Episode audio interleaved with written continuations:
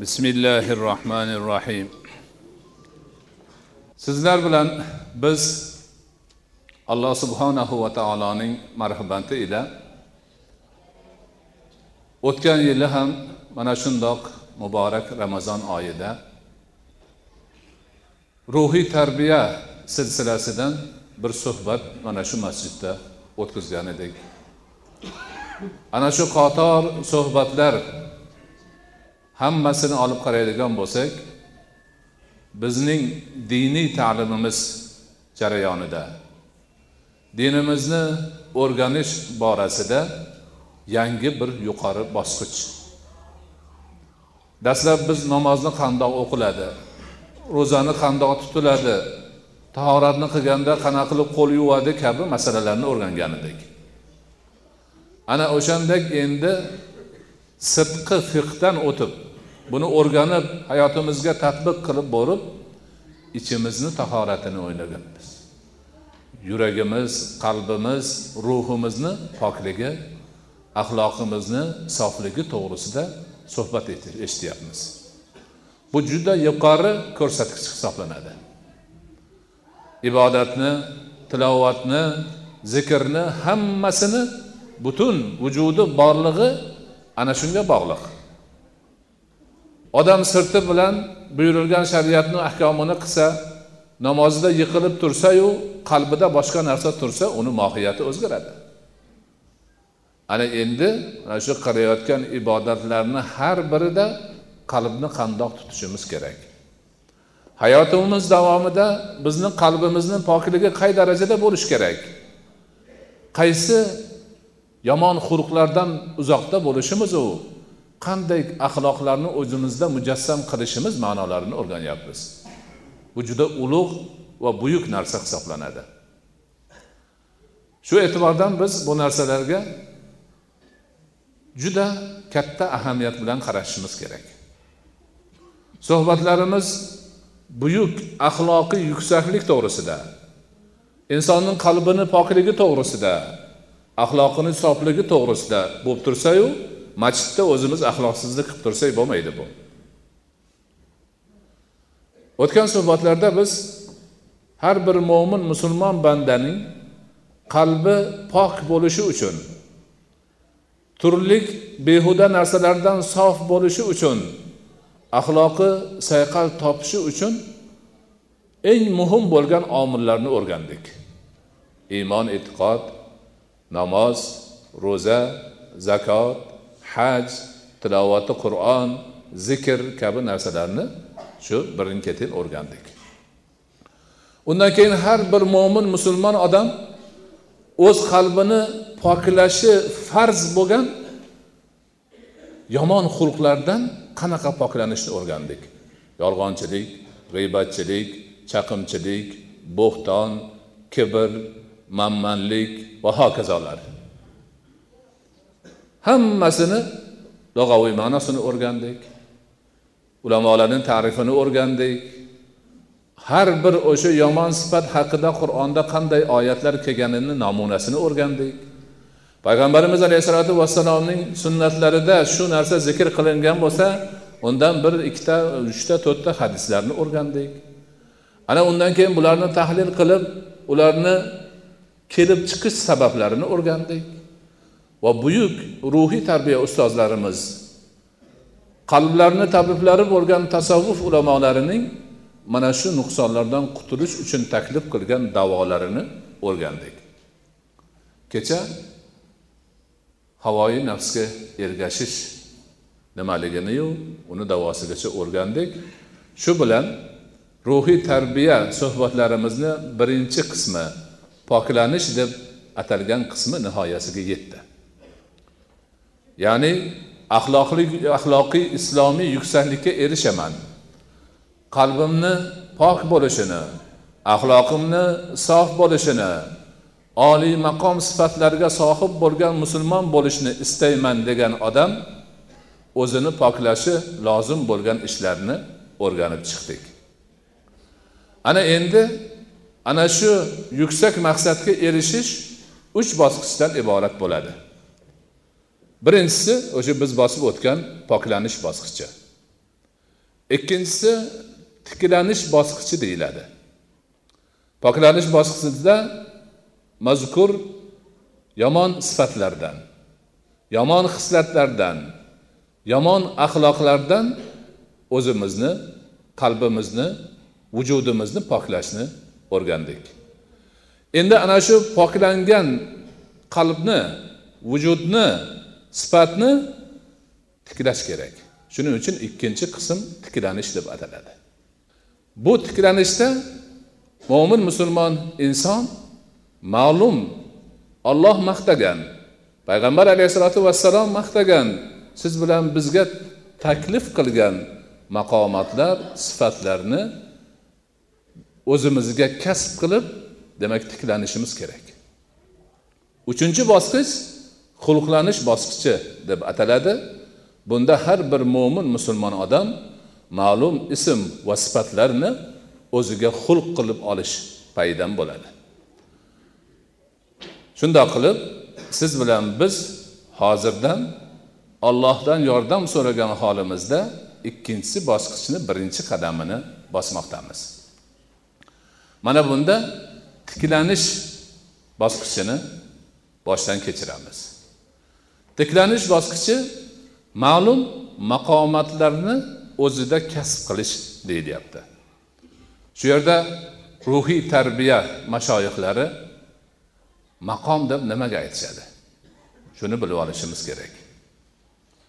Agar bir insonda yaxshi bir sifat paydo bo'lsa o'sha sifatni paydo bo'lgandan keyin holi ikkiga bo'linadi.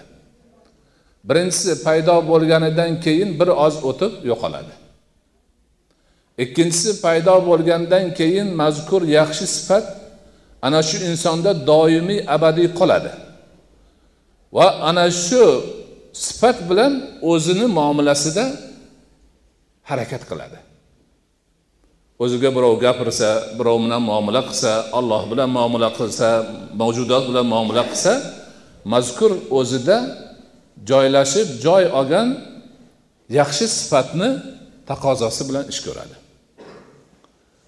Ana endi vaqtinchalik bo'lgan sifatni hol deyiladi. Misol uchun bitta voiz juda yaxshi va'z qildi. Va'zida tinglovchilarni rostgo'y bo'lishga chaqirdi. Rostgo'y bo'lishni tushuntirdi rostgo'ylik to'g'risidagi oyatlarni keltirdi hadislarni keltirdi buni fazlini aytdi. Va hokazo va hokazo mo'min musulmon odam rostgo'y bo'lmasa iloji yo'qligini tushuntirdi. Odamlar yig'ladi juda yuraklari eridi. Niyat qildiki bugundan boshlab xudo xohlasa man rostgo'y bo'laman.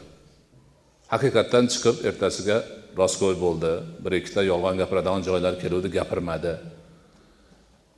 Ikki kun o'tdi uch kun o'tdi haligi va'zni ta'siri sekin sekin uzoqlashib to'rtinchi beshinchi yoki ikki hafta uch haftadan keyin keyin bir marta yolg'on gapirsam hech narsa bo'lmas deb bir gapirdi ertasiga yana bitta qo'shildi. Haligi sifat yo'qoldi.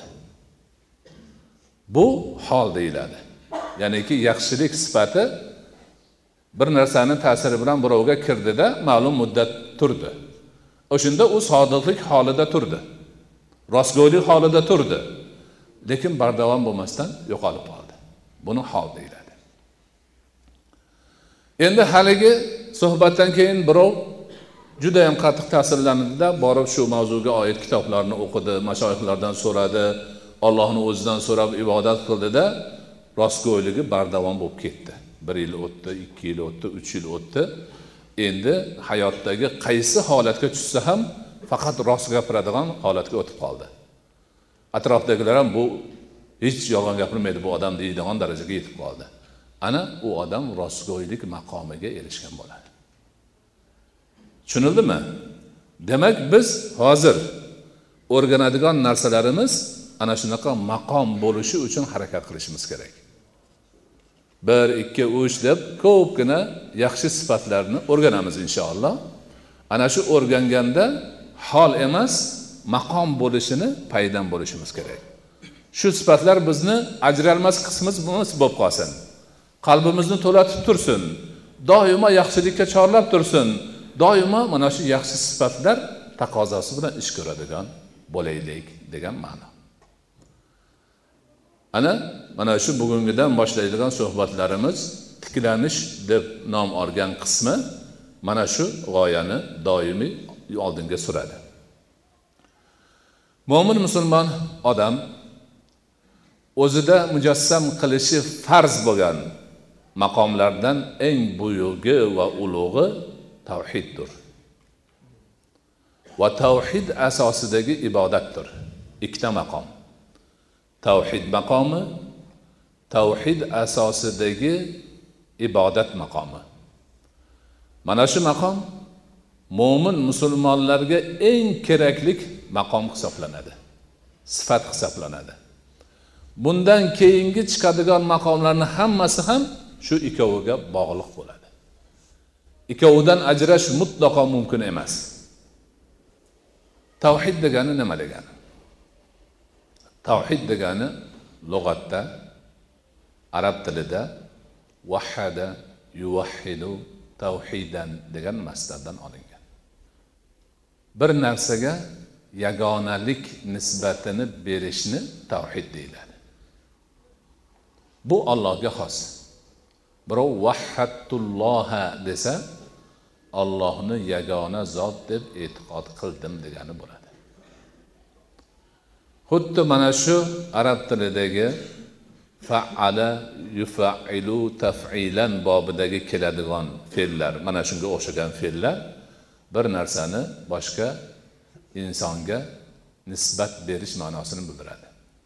Misol uchun fassaqtu fulanan desa falonchiga fosiqlik nisbatini berdim degan bo'ladi. Hech vaqtida falonchini fosiq deb bildim demaydi yoki qildim demaydi. Shuning uchun vahhattulloha deganda ollohning tavhidiga iymon keltirdim degani ollohga yagonalik nisbatini berdim degani. Ollohni man yagona deb qildim degan gap bo'lmaydi mumkin emas. Chunki ollohni butun nimasi o'zi bilan bo'ladi. Banda hech narsa qila olmaydi. Nisbat berishi ma'rifati tushunishi bor xolos. Demak tavhid lug'at jihatidan alloh subhanahu va taologa yagonalik vahdoniyat nisbatini berish. Ulamolar ta'rifida tavhidni aytishadiki tavhid alloh subhanahu va taoloning shirkni barcha ko'rinishlaridan pok deb bilib u zotning zotini sifatini ishlarini ismlarini hammasini yagona deb e'tiqod qilishdir. Mana tavhid ma'nosi biz poklanish bobida o'rganganimiz shirkni o'rniga tiklanish bu. Shirk nimaligini bilib a allohga sherik keltirish ekanligi xotini bor o'g'li bor sherik xudo bor og'aynisi bor tengdoshi bor degan kabi va chumori o'rmalaganchalik kichkina bo'lsa ham baribir e, ofatga olib borishini o'rganib o'tgan edik. Endi o'sha shirkni qalbdan chiqarib yuborgandan keyin endi tiklanish bobida tavhidni qalbga jo qilinadi alloh subhanahu va taoloni zoti yagona bitta. Ikkinchisi bo'lishi mumkin emas yoki sherigi bo'lishi mumkin emas yoki yordamchisi hech narsasi. O'zi yolg'iz. Sifatlari ham o'ziga xos. Amallari ham o'ziga xos. Ismlari ham hukmlari ham. Hamma narsada o'zi yakkayu yagona yolg'iz o'xshashi yo'q. Laysa kamislihi shay. Allohni o'xshashi yo'q. Hamma narsada o'zi yolg'iz o'zi yagona o'zi bitta. Mana shu e'tiqodni mo'min musulmon banda qalbiga jo qilishi kerak o'ziga maqom qilib olishi kerak. Bu dastlabki qadami la ilaha illallohni til bilan aytib dil bilan tasdiqlash bilan bo'ladi. Allohdan o'zga ibodatga sazovor zot yo'q. Yolg'iz ollohning o'zigina ibodatga sazovordir. La ilaha illalloh dunyodan o'tgan barcha anbiyolarning shiori bo'lgan.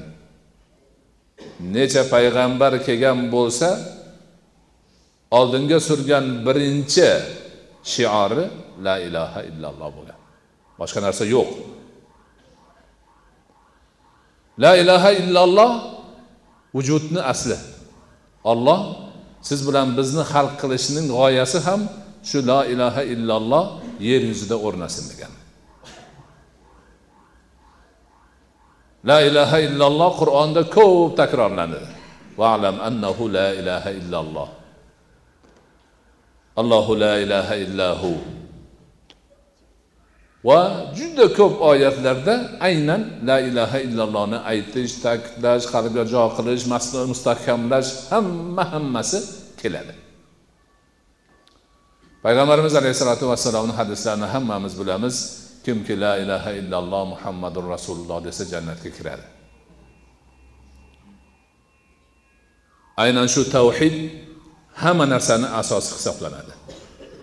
Tavhid bo'lmasa la ilaha illalloh muhammadur rasululloh bo'lmasa hech qanaqa amal qabul qilinmaydi.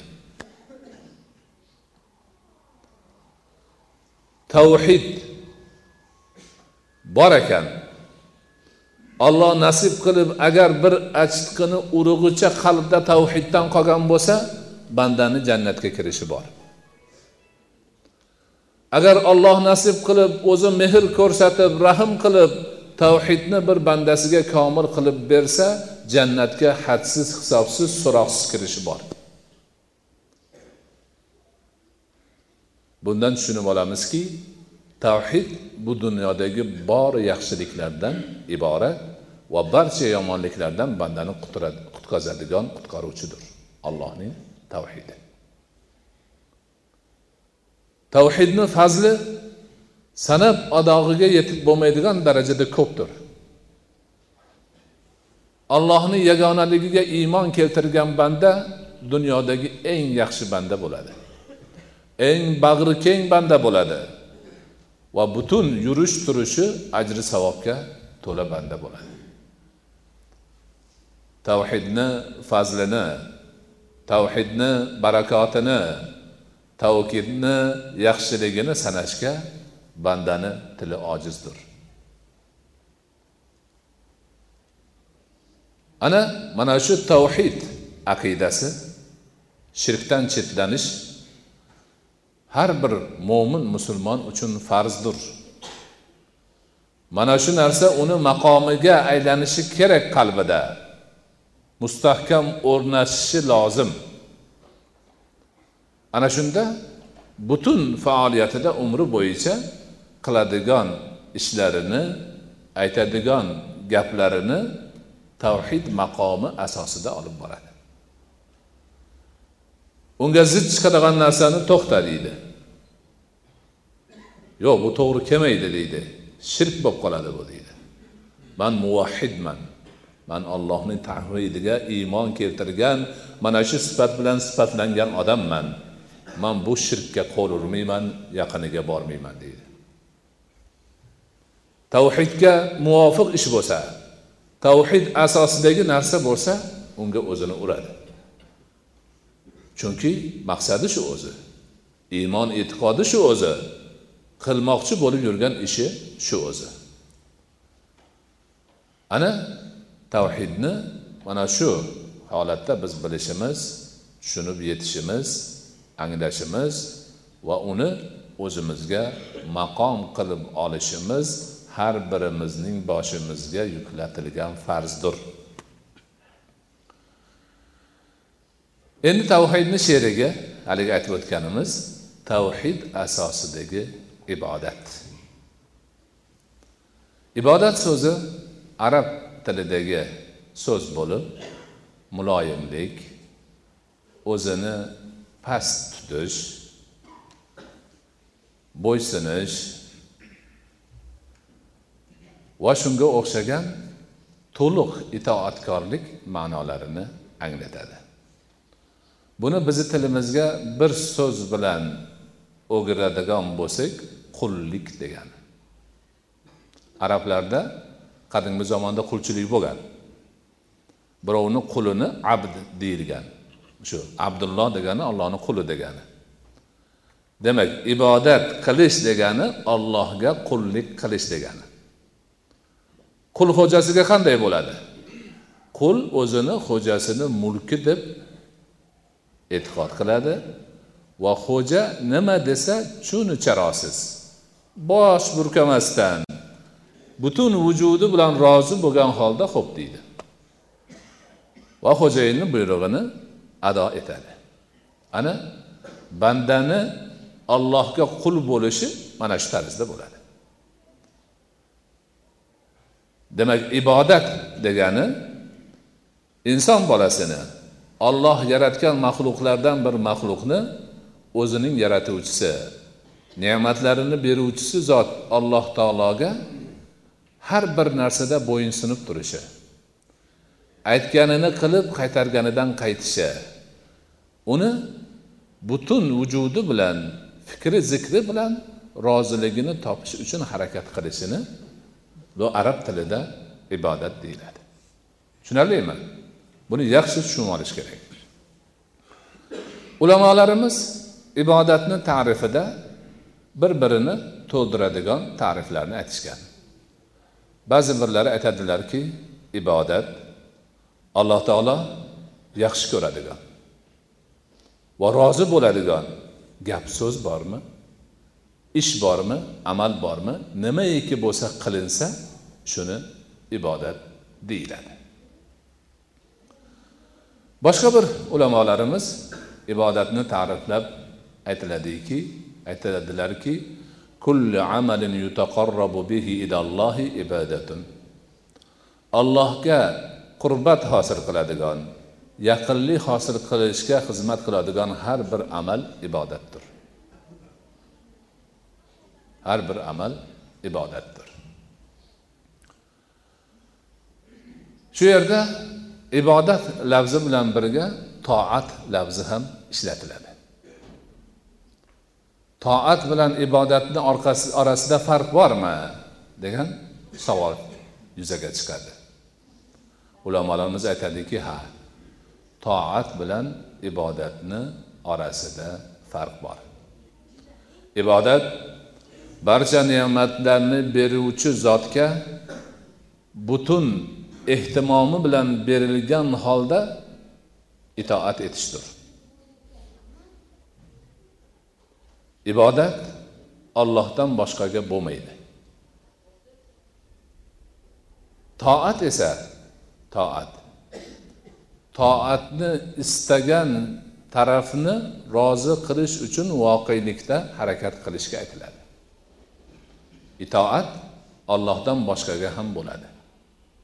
alloh taolo o'zi qur'oni karimda aytgan auzu billahi minash shaytonir rojim bismillahi rohmanir rohim يا أيها الذين آمنوا أطيعوا الله وأطيعوا الرسول وأولي الأمر منكم ey iymon keltirganlar allohga itoat qiling va rasulga itoat qiling va o'zingizdan bo'lgan ishboshilarga itoat qiling ana itoat ollohga ham ollohdan boshqaga ham bo'ladi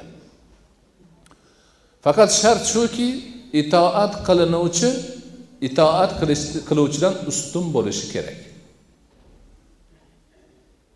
Itoat qiluvchi pastda itoat qilinayotgan amri yuzaga chiqayotgan ustunda bo'lishi kerak. Martaba ma'nosida. Shu bilan birga ba'zi bir paytlarda itoat itoat e'tirofsiz ravishda ham bo'laveradi. Ibodatni e'tirof qilmasa ibodat bo'lmaydi. Ya'ni ibodat qilinayotgan zotni tanib bilib o'zi xohishi bilan qilgandagina ibodat bo'ladi. Itoatda tanisa ham bilsa ham o'zi yomon ko'rib tursa ham majbur bo'lib itoat qilishi mumkin. Misol uchun shaytonga itoat qilish deydilar ulamolarimiz shaytonni yomonligini hamma biladi lekin goh gohida shaytonni gapiga kirib qoladi. Itoat qiladi o'shani aytganini qilib qo'yadi banda. Mana itoat bilan toatni ibodat bilan itoatni orasidagi farq shu. Buni yaxshi bilib olish kerak.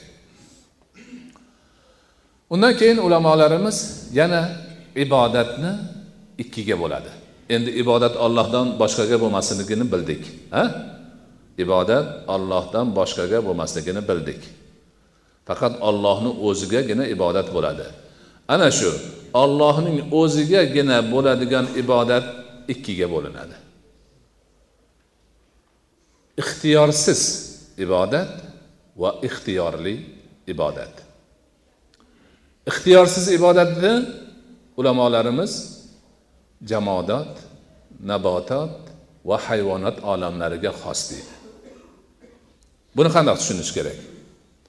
Oldinda aytdikki ibodat degani ollohning amriga bo'ysunish chizganidan chiqmaslik aytganida yurishlik dedik a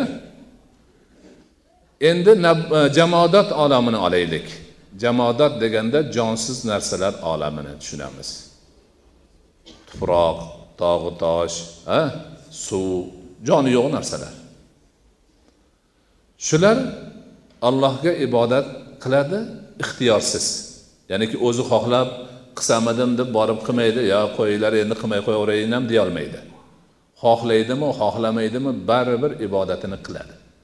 Nima degani bu? Olloh o'sha narsani yaratganda nima uchun yaratgan bo'lsa shuni vazifasini bajaradi. Tuproqqa sanga loy suv quyilsa loy bo'lasan deganmi? Bo'ladi. Sanga urug' tashlab ma'lum namlik bilan ta'minlansa o'simlikni o'stirasan degan buyruqni bersa shuni qiladi bosh tortolmaydi.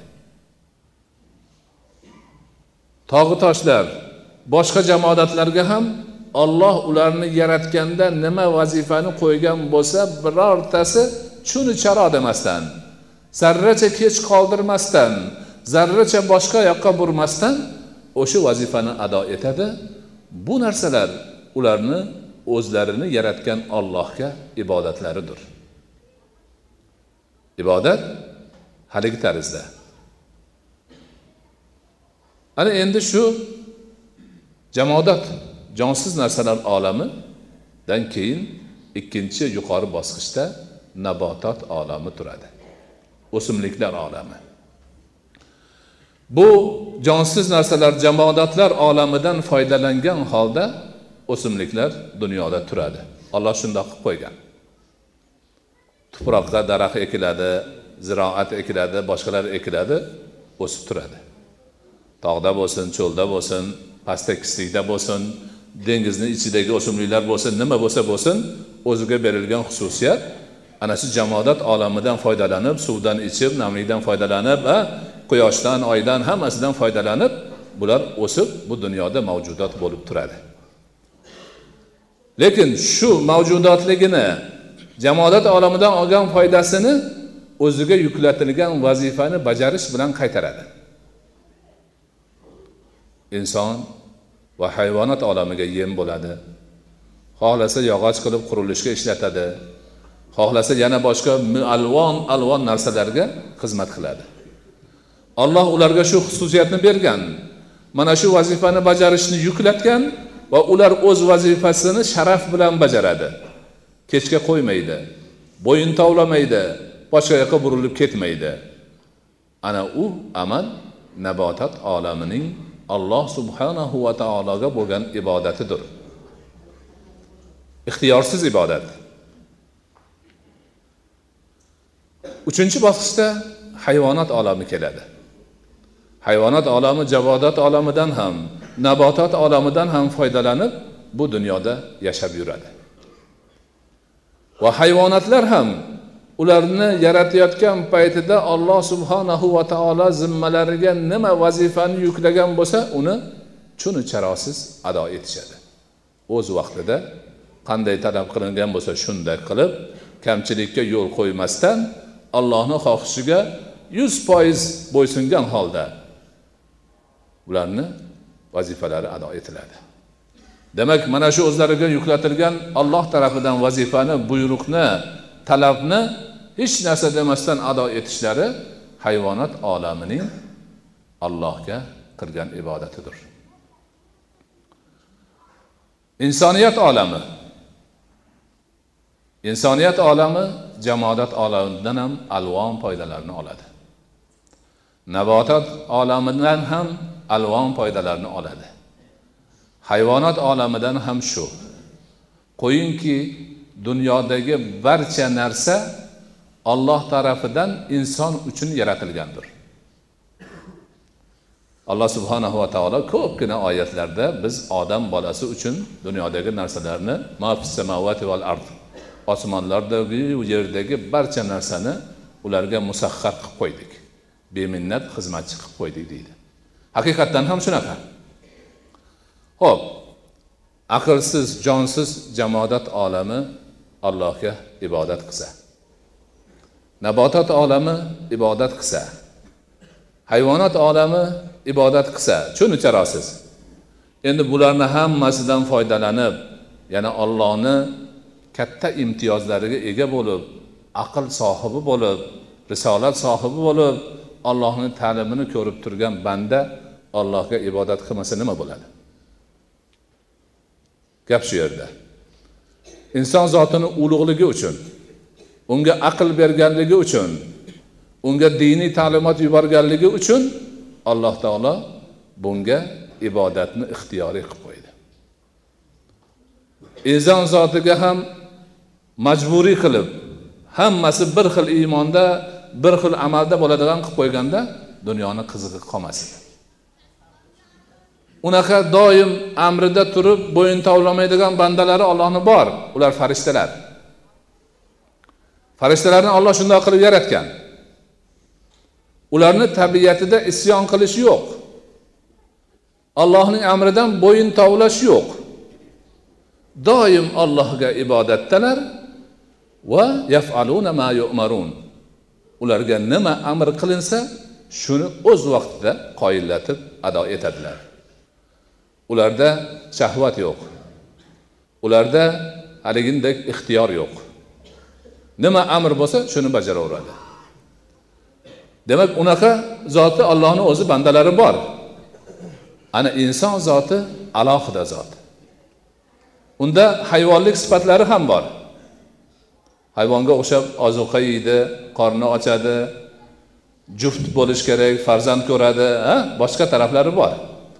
Farishtalik taraflari ham bor. Ollohni ibodatini qilgisi keladi ruhiy poklikka harakat qiladi va boshqa boshqa holatlari bor. Ana endi mana shu ollohning bandasi bo'lgan inson butun mavjudot ichida allohning eng afzal xalqi bo'lgan inson o'zini aqlini yig'ishtirib shukrini qilib shahvatini jilovlab allohga ibodat qilsa farishtadan afzal bo'ladi. Lekin olloh bergan aqlni ishlatmay olloh unga yuborgan diniy ta'limotlarga iymon keltirmay payg'ambarni tan olmay qur'onni tan olmay shahvatiga berilib ketsa endi boshqa yoqqa ketib qoladi. Mana shu e'tibordan insonning allohga qiladigan ibodati ixtiyoriy ibodat bo'lgan va shu ixtiyoriga qarab ajr savob yoki unga gunoh yoziladi. Odam bolasi ixtiyorini to'g'ri qilib o'zini bandalik burchini ado etib yolg'iz ollohning o'ziga tavhid asosida ibodat qilsa ana u eng buyuk inson farishtalardan afzal darajaga ko'tariladi.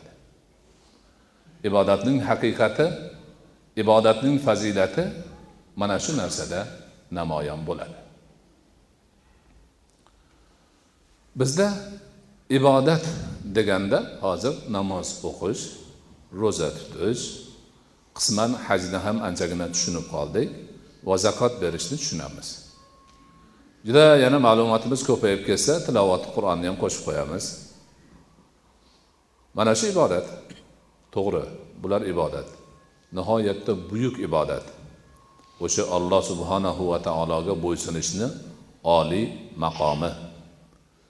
Lekin agar shu narsalar ibodatu insonni hayotidagi boshqa narsalar ibodat bo'lishi mumkin emas desak yuqoridagi ta'rifga xilof gapirayotgan bo'lamiz. Ta'rif nima deyapti? Ta'rif allohga qurbat hosil qiladigan har bir ish ibodatdir deyapti. tushunarlimi ana alloh taolo qur'oni karimda aytadi auzu billahi minash shaytonir rojim bismillahir rohmanir rohim وما خلقت الجن والإنس إلا ليعبدون man jinlarni ham inslarni ham faqatgina faqatgina manga ibodat qilishlari uchun yaratdim xalq qildim Agar shu oyatdagi manga ibodat qilishlari uchun degan iborani manga namoz o'qishlari ro'za tutishlari haj qilib zakot berishlari deb tushunsak shu ibodatlardan boshqa qilayotgan ishlarimiz hammasi a bizni behuda ishlarga aylanib qoladi. Faqatgina deyapti faqatgina manga ibodat demak ollohga ibodat qilmagan bo'lib qolamiz. Namoz o'qiyotgan vaqtda allohga ibodat qilibmiz ekan. Ko'chaga chiqib bozorga borsak bola chaqa boqsak yurtimizni obodonchilik ishlasak boshqa qilsak demak ibodatdan chiqibmiz gunohkormiz. Namoz o'qib turish kerak edi.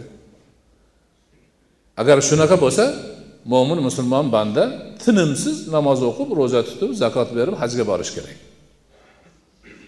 Yo'q unaqa emas ekan. Balki ana shu namozini vaqtida o'qib ro'zasini vaqtida tutib zakotini vaqtida berib hajini farz bo'lsa ado etsayu bu yoqdagi ishlarida ham ollohning dini ta'limotlariga amal qilsa niyatini to'g'ri qilsa va o'sha ishlarni qur'onu sunnatga muvofiq qilsa ana shu ham ibodat bo'ladi.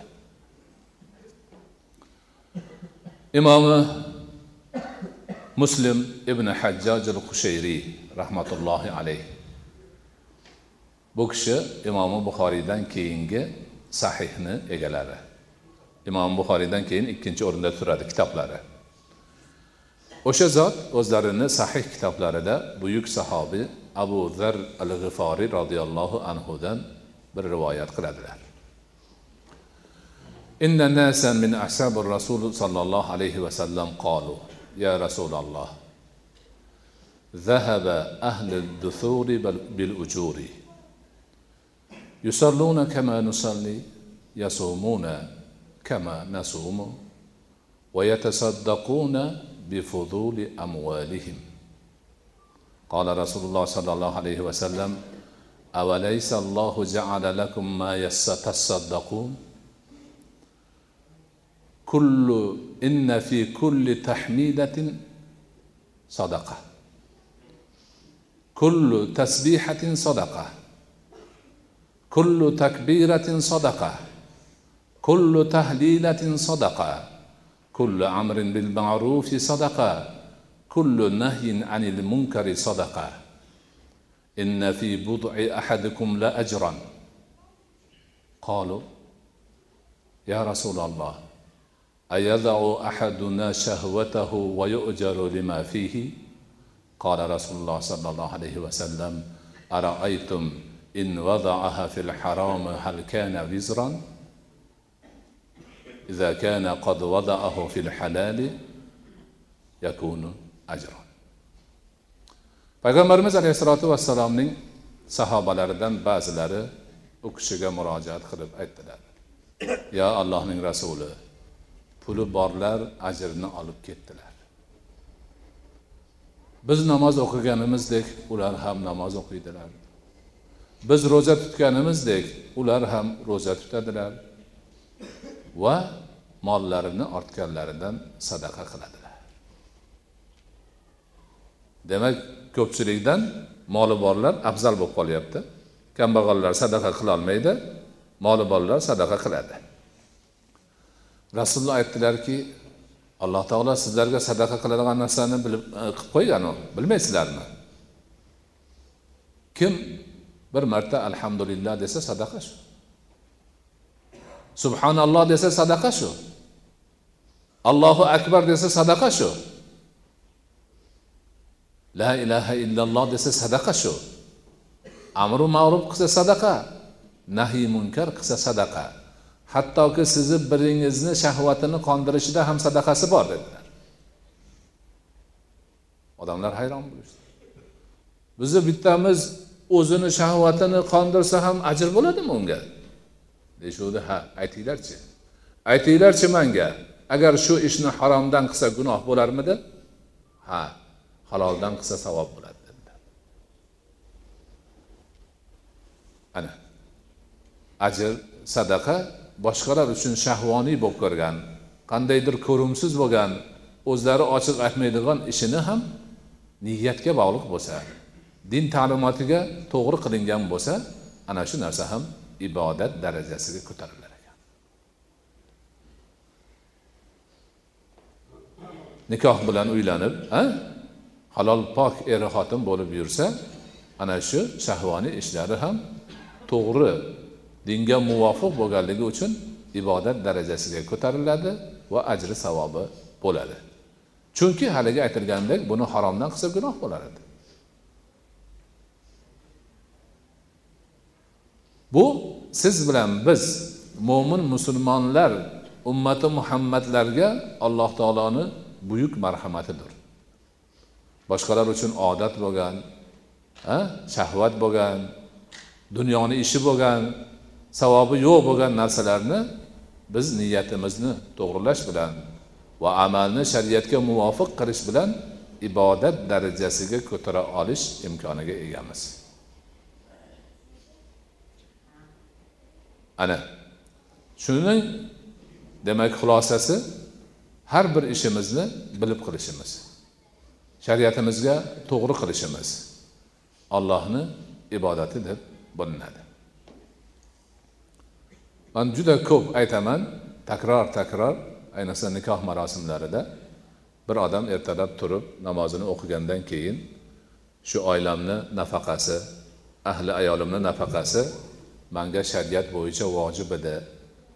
Endi chiqib halol pok yo'l bilan shularga nafaqaga beradigan narsani topib kelay deb ko'chada nima ish bo'lsa ham halol pok ishni qilib bir pul topib bola chaqasini og'ziga tutadigan taom olib kelishni g'amida yurgan odam vojib ibodatni qilayotgan odam bo'ladi. Bundan bosh tovlasa bola chaqasini unutsa xotinini boqishni esiga olmasa ko'chaga chiqib karta o'ynab o'tirsa bu vojib ibodatdan bosh tortayotgan gunohkor bu xudoni oldida. Shunga o'xshash barcha narsalarimiz o'zimiz oilamiz eli yurtimiz xalqimiz manfaati uchun bo'ladigan xizmatlarni biz ibodat darajasiga ko'tarib olishimiz juda ham oson. Payg'ambarimiz alayhissalotu vassalom aytadilarki bir dinoring bor ollohni yo'lida sarflading.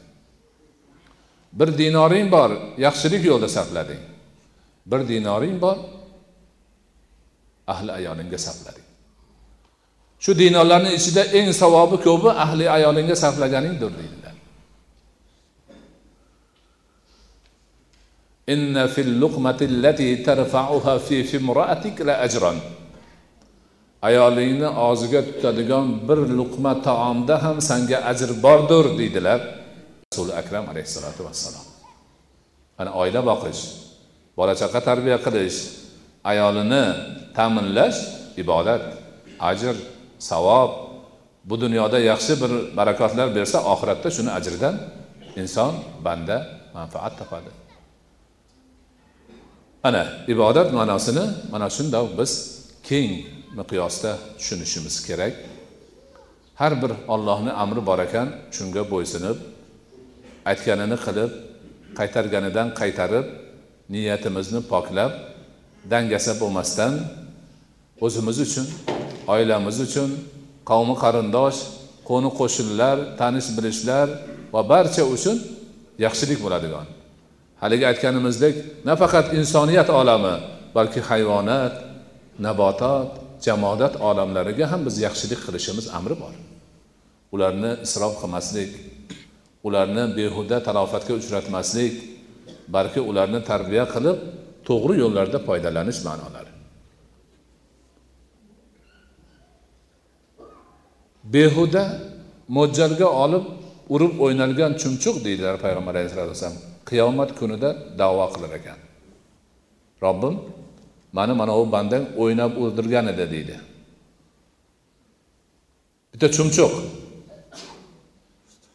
Demak bu hayvonot olamiga ham nabotot olamiga ham jamodat olamiga ham bizga xizmat qilayotgan ollohni ne'mati sifatida yaxshi ko'z bilan qarashimiz ularni talofatdan saqlashimiz bizga bo'lmasa keyingilarga foyda berishini o'ylashimiz kerak.